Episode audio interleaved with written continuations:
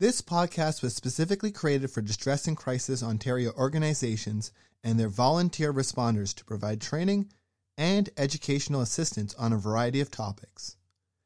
As information evolves and changes, these podcasts are meant to offer ongoing support with the goal of updating them on an ongoing basis. We thank the volunteer responders and the contributors to this podcast. Please visit our website, dcontario.org, for more information and how to access free mental health services. Thank you.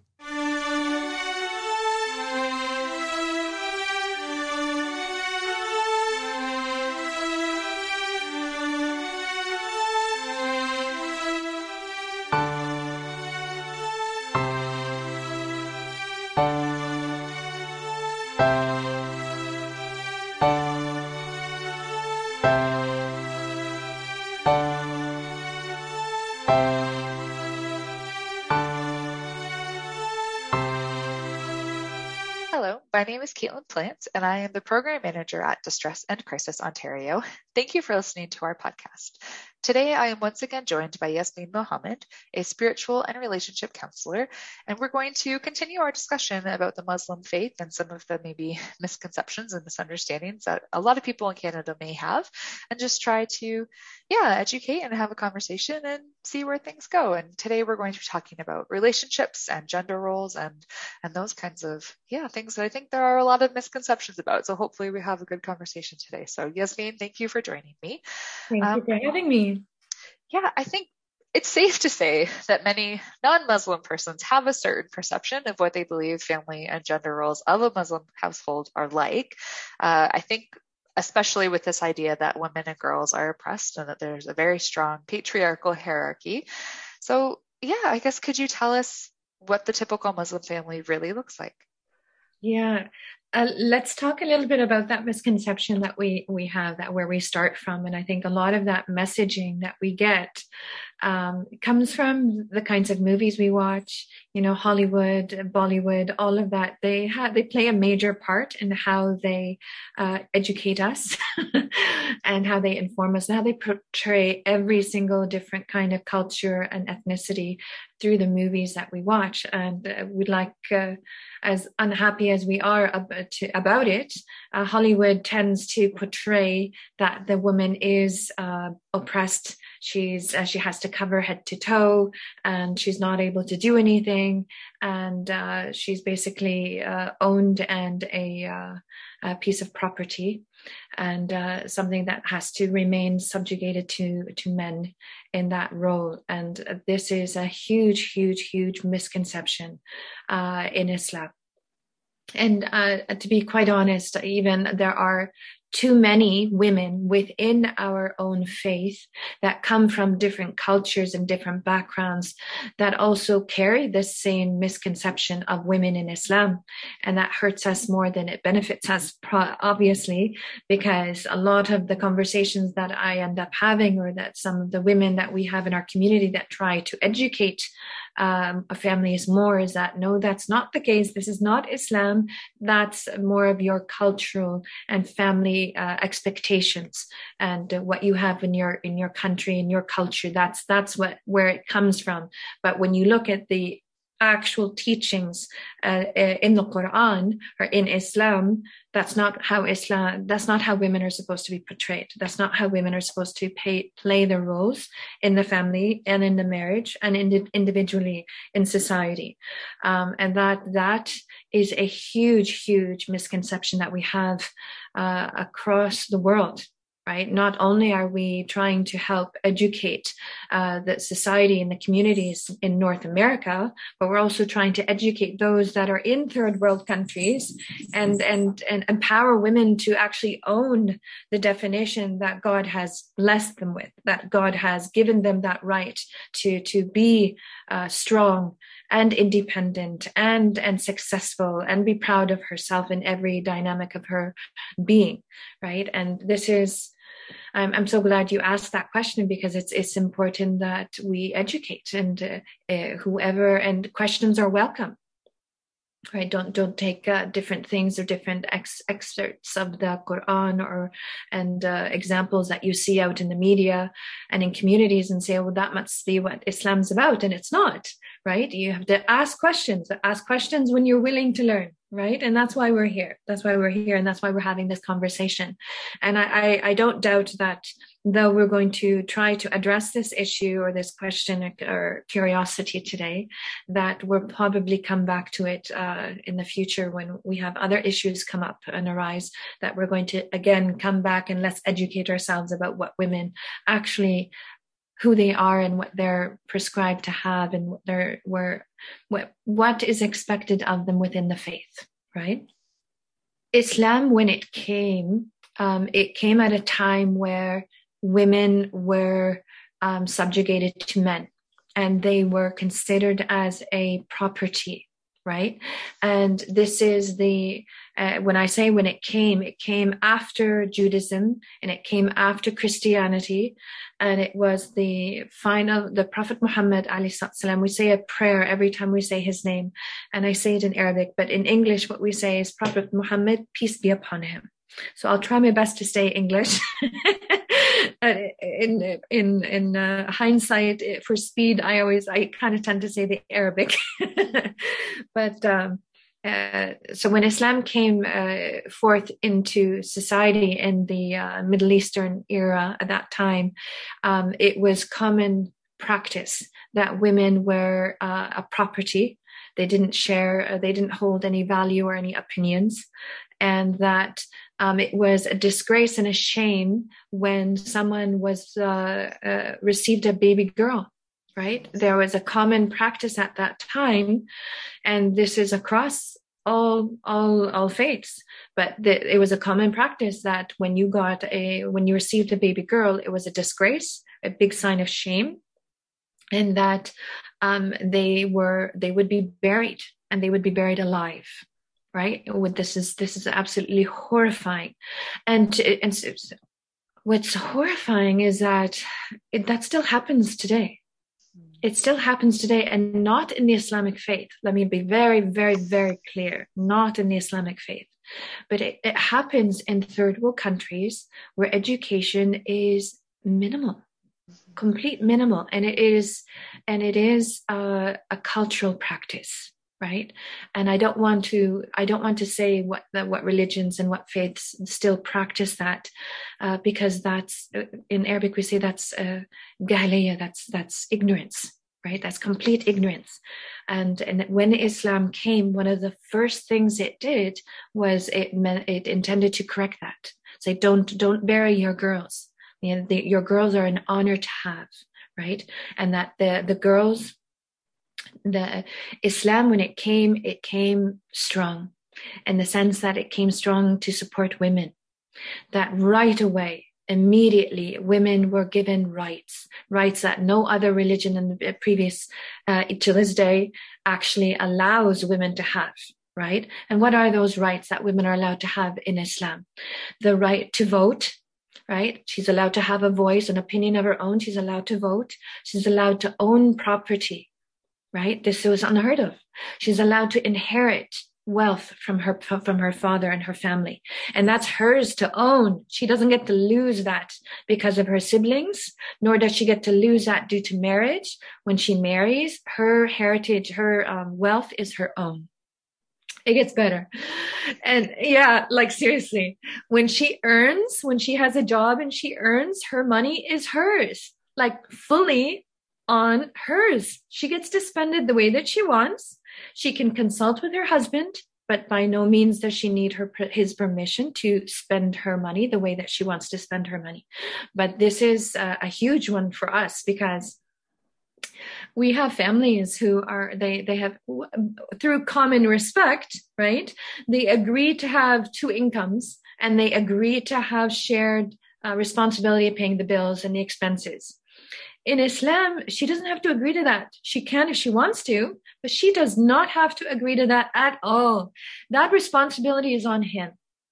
even if he earns less than her, he is the one who is obligated and responsible for paying her livelihood, paying the bills, bringing the, the food, being, making sure everything is taken care of. If she works, her income goes to her savings account right? She gets to own it. She gets to save it. She doesn't have to spend it on anything. If she does, it's of her own choice, not forced. And it is considered a charity for her. That means she's even rewarded for spending her own money towards the family to support the husband, to support the family in whatever way that they agree upon. But is it forced? Not in any way. Does he own it? Absolutely not. So this is huge. Like we're talking feminist at, at the at the best. Yeah. Right? Like you don't need to do and this is what i say like there's more but the, there's this is what i often have to say. It's like we don't need to be feminists because islam makes us the best feminist ever. Like we get everything that we're still fighting here in north america for the rights that islam gives women. Low like there's something wrong here.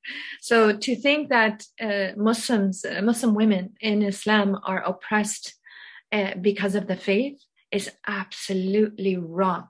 And the only way that we can learn or understand that is to learn more about it, right? Mm-hmm. And this is why uh, I'm so passionate about wanting to express, you know, yeah, wait till you hear it all. it gets better and better and better, right? So, um, what else? She, she, uh, she's not obligated to clean her house or cook.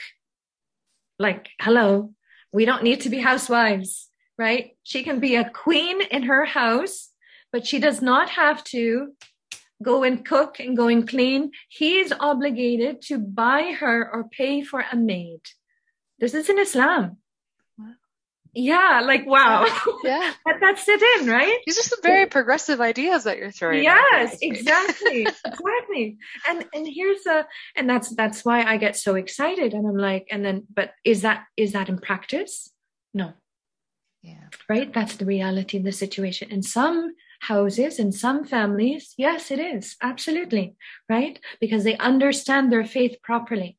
They understand the, the, the rights of the women, and the women themselves understand the rights as well. So when you understand and you have that knowledge, you know what you're going to ask for, right? Okay.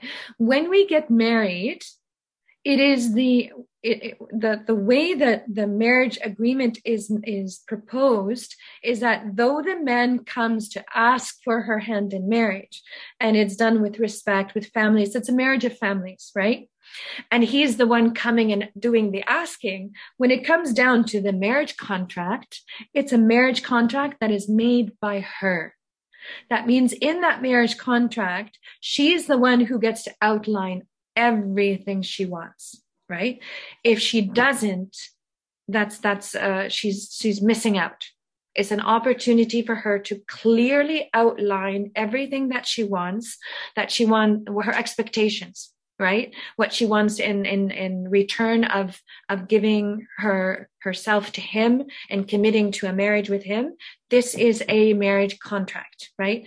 The love story comes obviously all around but when it comes down to the marriage contract that's a business agreement right? You need to outline exactly what it is you want and that our women need to not be shy to actually list and identify what it is that they want it's not enough just to discuss it and to say it and to say, well, I talked to him about this. I'm like, did you put it in the marriage contract? No, like, damn it, it doesn't work. You have to keep it, you have to put it in the marriage contract, right? I'll give you an example. I, I am divorced from my ex-husband. And when I first got married, um, knowing this, I had uh, I had wanted, I had struggled in order to get myself into university. I didn't go straight into university right after high school.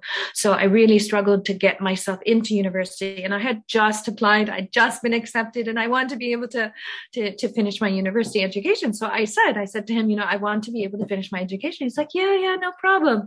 Yeah. Come the time where I get my contract, I said, uh, Imam, you need to write this down.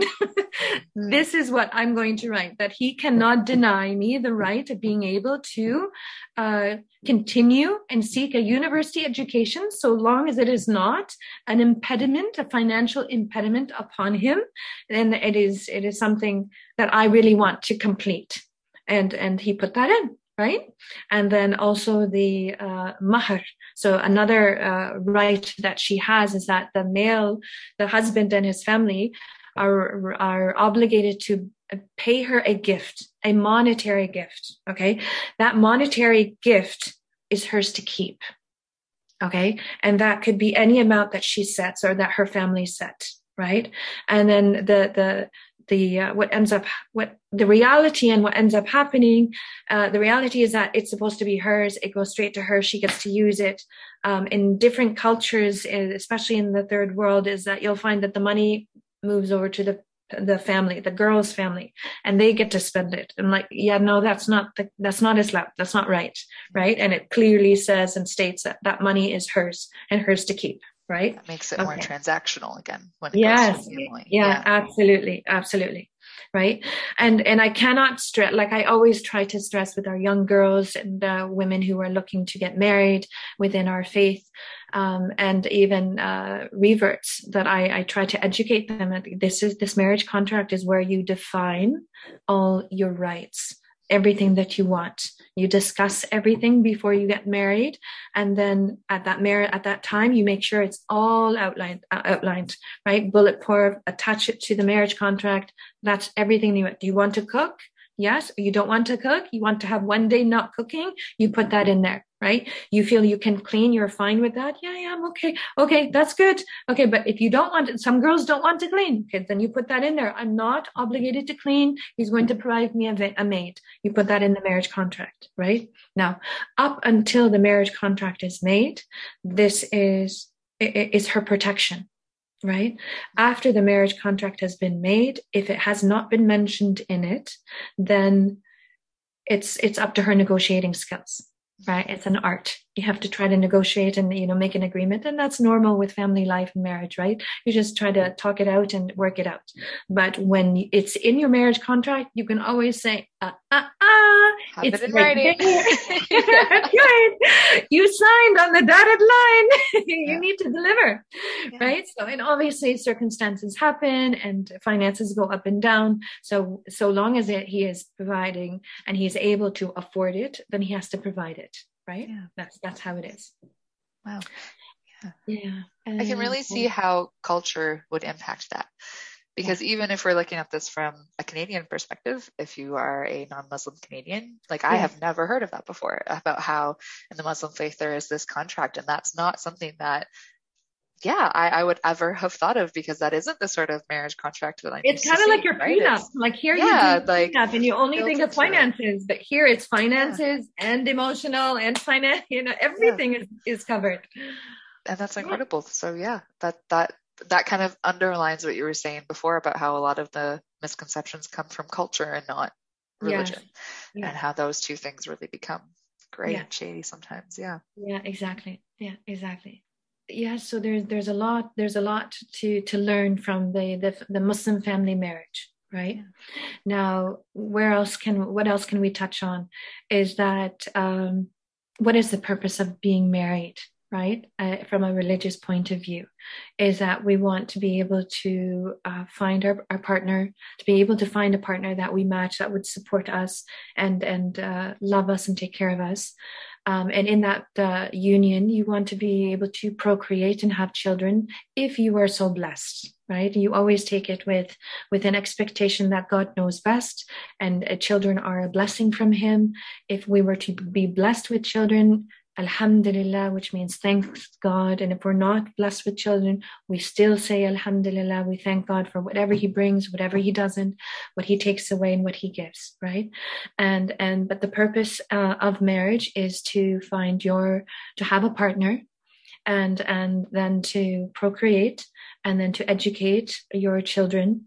Uh, obviously, to be good, providing, um, uh, responsible citizens of society uh, but also God fearing, God worshiping uh, in, in, that sense, right? So this is the the duty and the responsibility of being married and being a husband or being a wife uh, in that family unit, and and to provide and also to be uh, really good um, neighbors, obviously as well, right?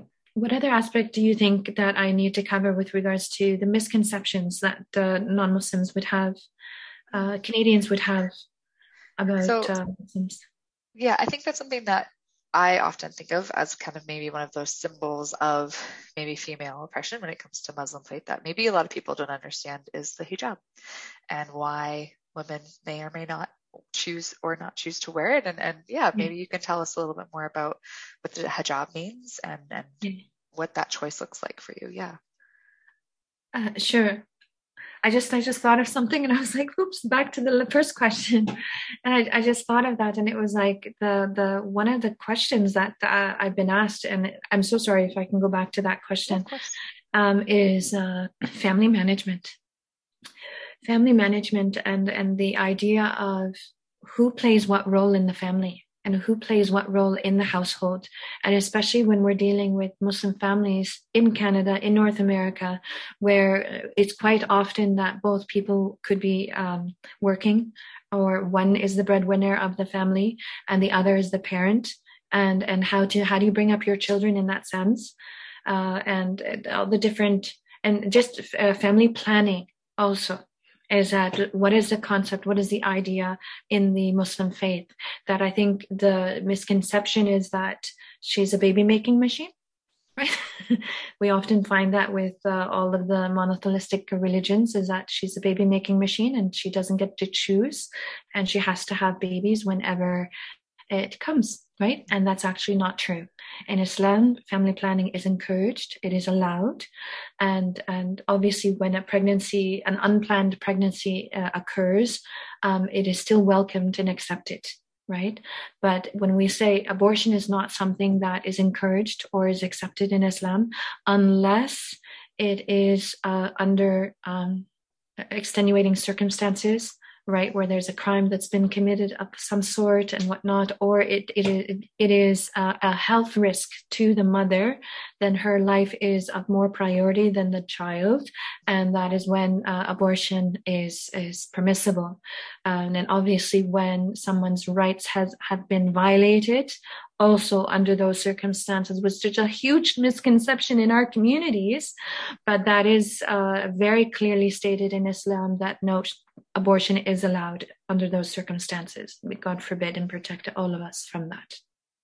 Um, but family planning is encouraged, and uh, uh, contraception is allowed in Islam. That is something that is encouraged and, and allowed. And uh, the roles, the financial roles of the, the husband and wife, it's all, it's really up to them. That what I've been, it's evolved it's it's really the the family unit and the definition of each person's role has uh, changed over the years where traditionally our parents and our grandparents would lived the role that the woman would stay at home. She'd be the one that the breadwinner and she'd be one who's actually teaching and educating and taking care of all the children making sure the house is but now economics has changed that completely. And and more women thankfully have uh, started to prioritize their own education right? So it's important to stay in school. It's important to get an education. And and and having said that god says that when you do something do be your best at it. Like do your best. That means when you're in university and you're enjoying it or you're at high school or university enjoying it doing well keep going. Get as as high as you can. Like what we we need women engineers. We need women uh, doctors. And we need women presidents right? So we need all of that, and nothing and, and nothing's in Islam holds us back from being that kind of person. So um, the family unit has changed, and that means it's out of agreement. It's out of communication and agreement. And obviously, if you're before a marriage and you're about to consider uh, a marriage contract, then and if working is something that you would lo- well like and want to do, then you would put that in your marriage contract, right? Uh, but um, more families are balancing that role where you're finding more fathers are are um, working from home and they're happy taking care of the kids while the wife is outside working her job doing her job as well. You know it's it's it's changing.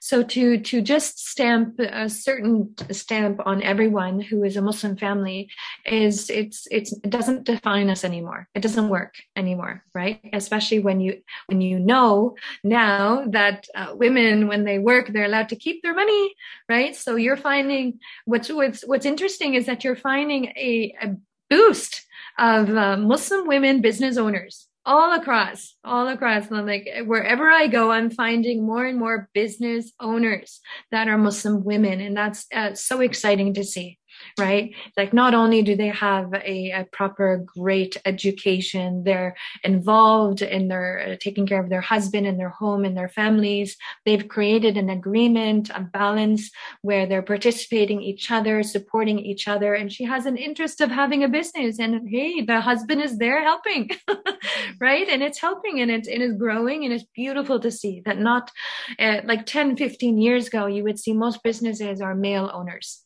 but now you're seeing more Muslim women. And uh, whenever you do see a Muslim woman uh, uh, being a business owner, you know, just, you know, encourage her. Say something that will, you know, I see you. You're, you're hijabi, you're wearing a hijab, you're representing your faith, and you're a strong, educated Muslim woman, and uh, you're a business owner. That's incredible. That's amazing. Like, we're always proud of our women, uh, regardless of faith and ethnicity, but uh, to, to understand the, the, the the challenges that she faces in order to be out there and be independent and be uh, successful it's a huge achievement. And we want to celebrate that and support them in every way that we can. Yeah. So just wanted to touch the light on the family unit the the management and the finances of that and the independence that we actually have within islam. Yeah, yeah i think that was definitely important to add. I'm glad that you went back to that.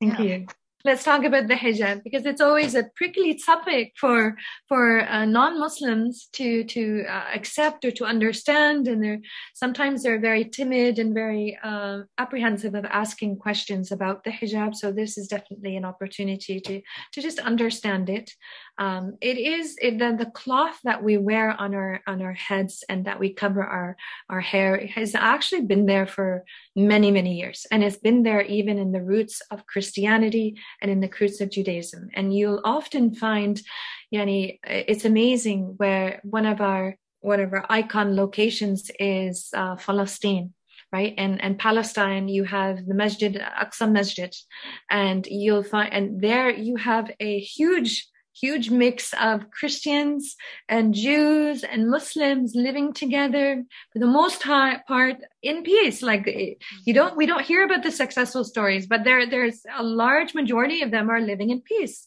Um, not the Zionists, but the ones that, you know, accept everyone and understand that everyone is meant to be there. There's a balance and it's a beautiful balance.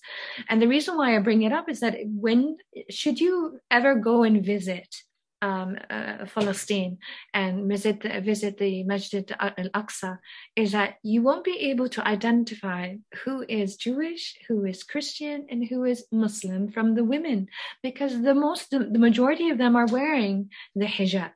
The most of them are wearing, and they wear the hijab the same way. So it's like, how do you know? right? So it's, it's, that's the beauty of it, right? Is that it's not just uh, Muslims that wear it, but in North America, you will find the majority of women that wear the hijab are Muslim, although I have seen um, Jews and, and Christians also wear head headscarves on their head. Now, the uh, the concept of why do you wear the hijab, okay, comes from understanding why, not why, but how God has created women and how He's created men right? He go back to the the original creation of man and he had created uh, adam. And when he created adam and he gave him a garden to to do it to to enjoy what was the one thing that he asked for? He asked for a companion right? And that companion was made from a rib of adam from adam as well right? But when god created eve created the woman, he created her beautiful in every way. And that beauty isn't just something that is limited to her face, right? We see women all the time, but how often do we just contemplate and reflect and pause?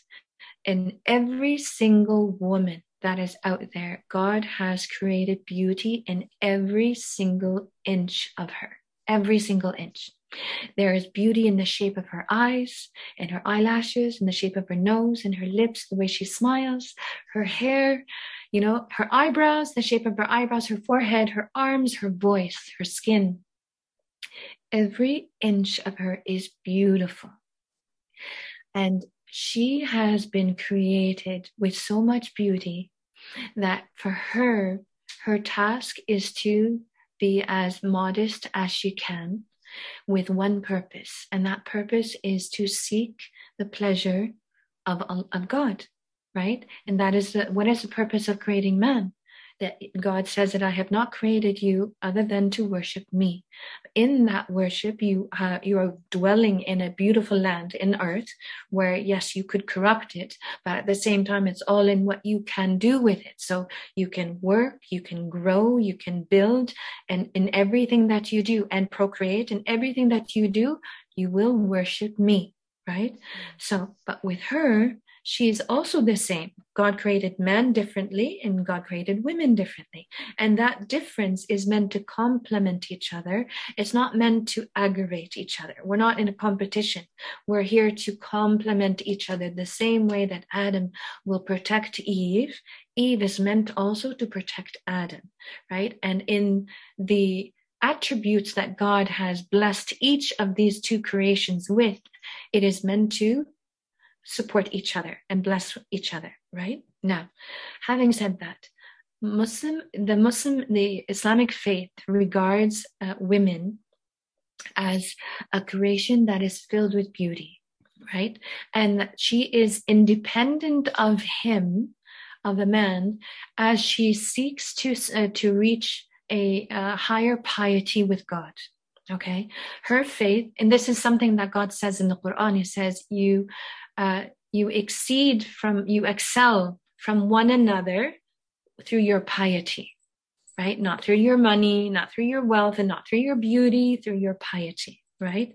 So Muslim women in Islam feel that our hair and the way that we dress is a, is a means of choosing to be more modest that we have that we want to uh, cover every inch of beauty that is uh, we, we call it a fitna. It is a, a temptation. Unfortunately, it is a temptation because this is the way man have been, has been created, that men have been created to be easily tempted or distracted by the beauty of women. And we want them to focus. right? They can't be going around like that. So we need them to focus, focus on your work and focus on what the intelligent, what I have to offer. And if I want to have an intelligent conversation with you, I'm going to avoid all the other distractions so that you can concentrate and focus on what I have to give and what I have to provide what I have to contribute to society with my intelligence and my understanding and my know-how, right? And and this is by covering our hair and dressing loosely with our uh, clothing so that we cover our we we try to be as modest as we can. And the purpose of choosing that is one purpose not because someone asked us to not because someone made us to because that's not allowed in islam right? But it's because i choose to strive to have a closer better relationship with my god with my, my with god and and i want him to be pleased with me and if I'm going to make a choice to pray or to wear the hijab or to dress modestly, it's my choice. And I'm doing it only because I am seeking the pleasure of God. So this is the reason why a majority, most women will wear the hijab.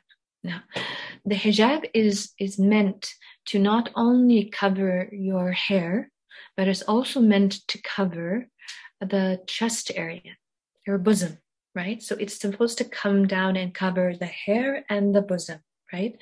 And and in having said why, like, and a lot of the questions is like, but why? And it's like, well, the shapes of our bodies are a huge temptation for the uh, for males out there, right? And in order for me to walk on this earth in peace right? And tranquility. And with respect, I choose to cover myself with modesty so that the shape and the beauty that I have within my body is not shared with idle men, with random men. I will share it with the one who is committed and meant for me. But it's not free for anyone else to enjoy.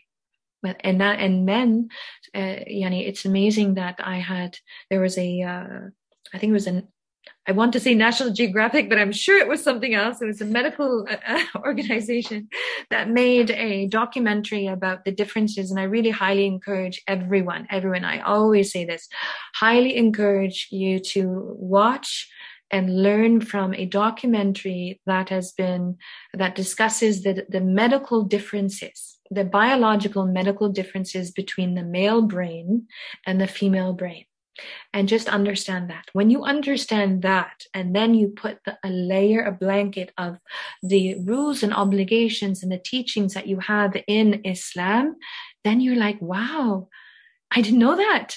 I, did, I had no idea because it gives you that added understanding of the reasons why hijab is actually required, right? To dress modesty is required because God knows how he created women and he, he knows how he created men. And we are meant to have respectful, meaningful interactions with each other. And the only way to do that with uh, some men, most men, is to be able to limit their visual instigates, like it instigates something, it triggers, right? Men biologically are visually triggered. Okay, so they have there, there are we have our five senses, right? And and you think, and the question in the video was is that tr- take a gander, take a wild guess out of all the five senses that man has, which one triggers his sexual urges the fastest and the most? Like immediate seconds, not even milli like milliseconds. The eyes, the eyes. You would think touch, you would think smell right? You would think something like that, but it's not, it's eyes. That means a man can, that's unfortunately, a man can be triggered really is easily visually, right? So that means eh, when we understand that and we want to be able to engage productively and aggressively in society, then we have that obligation to kind of like understand if I want to be if I really want to be respected and valued for the excellent education and the ideas and the innovation that I have to offer, then I need to limit how I distract them. Mm-hmm. Right. And that, that temptation that I have to offer isn't available for anyone to enjoy. It's meant to be given to the one who's meant for me. And when you preserve yourself and value yourself like that, and you go into a marriage who he also has been preserving and protecting himself for the one that he's meant for, that marriage unit is a lot more valued. It's a lot more valued and more important. And that's why it's really important to, to understand the reasons why we do certain things, because in the end, it benefits and adds value to all the relationships that you have, particularly in your marriage as well. Yeah. So Unfortunately, we do have a little bit of a time constraint today, so we are going to have to kind of end our conversation here today. But I, mm-hmm. I do definitely uh, want to come back to this and have some more conversation about this because I think we've learned a lot and we've covered a lot today. Um, and I think one of the words that came to mind hearing you, especially speak about how this is a way for many women to take back, yeah, almost their ownership of their bodies and, and yeah. garner that respect is that it can be a very empowering choice to wear the hijab. And I think that a lot of people maybe don't understand that. Yeah. Um, so yeah, so thank you so much uh, for sharing all of these uh, ideals and, and information with us today. And I really look forward to coming back to this with you. You're most welcome and thank you for having me. Thank you so much. Thank you for listening to this week's podcast. We hope you enjoyed learning some more from Yasmin about her Muslim faith, and we look forward to having her join us again. If you have any questions for Yasmin, either based on what we spoke about this week, what we spoke about a couple of weeks ago, or about anything else related to the Muslim faith, there is a link in the show notes to a form that you can complete submitting any questions that you might have. Please do be respectful, but Yasmin has been very clear that she's willing to answer anything. So, yeah, any questions at all? We'd love to hear from you. If you're not sure how to find the show notes, usually if you click or tap on the title of the episode, it will bring you through to more information about it, and somewhere in there, the show notes will be visible. We would also love to hear from you if you have any general feedback. If there's any topics that you would really like to hear about that we can look into, if there's a mental health resource or advocate or just a, person that you would really like us to interview that we would be able to get a hold of. If you have any just general feedback about quality or episode links or anything like that, there's also a link in the show notes to give us feedback like that, and we would love to hear from you. As always, if anything you heard in today's episode or anything going on in your daily life has you feeling the need for support, our member centers in ONTX would be happy to help. You can find your nearest center by visiting our website at www.dcontario.org forward slash locations. And ONTX is available every day from 2 p.m. to 2 a.m. Eastern Standard Time. You can access it from any page of our website. There's a little floating menu to the right hand side that says looking for support. If you click on that, you can chat or you can text support to 258 258. Again, that's 2 p.m. to 2 a.m. every single day, Eastern Standard Time. Thanks again for listening. We hope you'll join us again next week.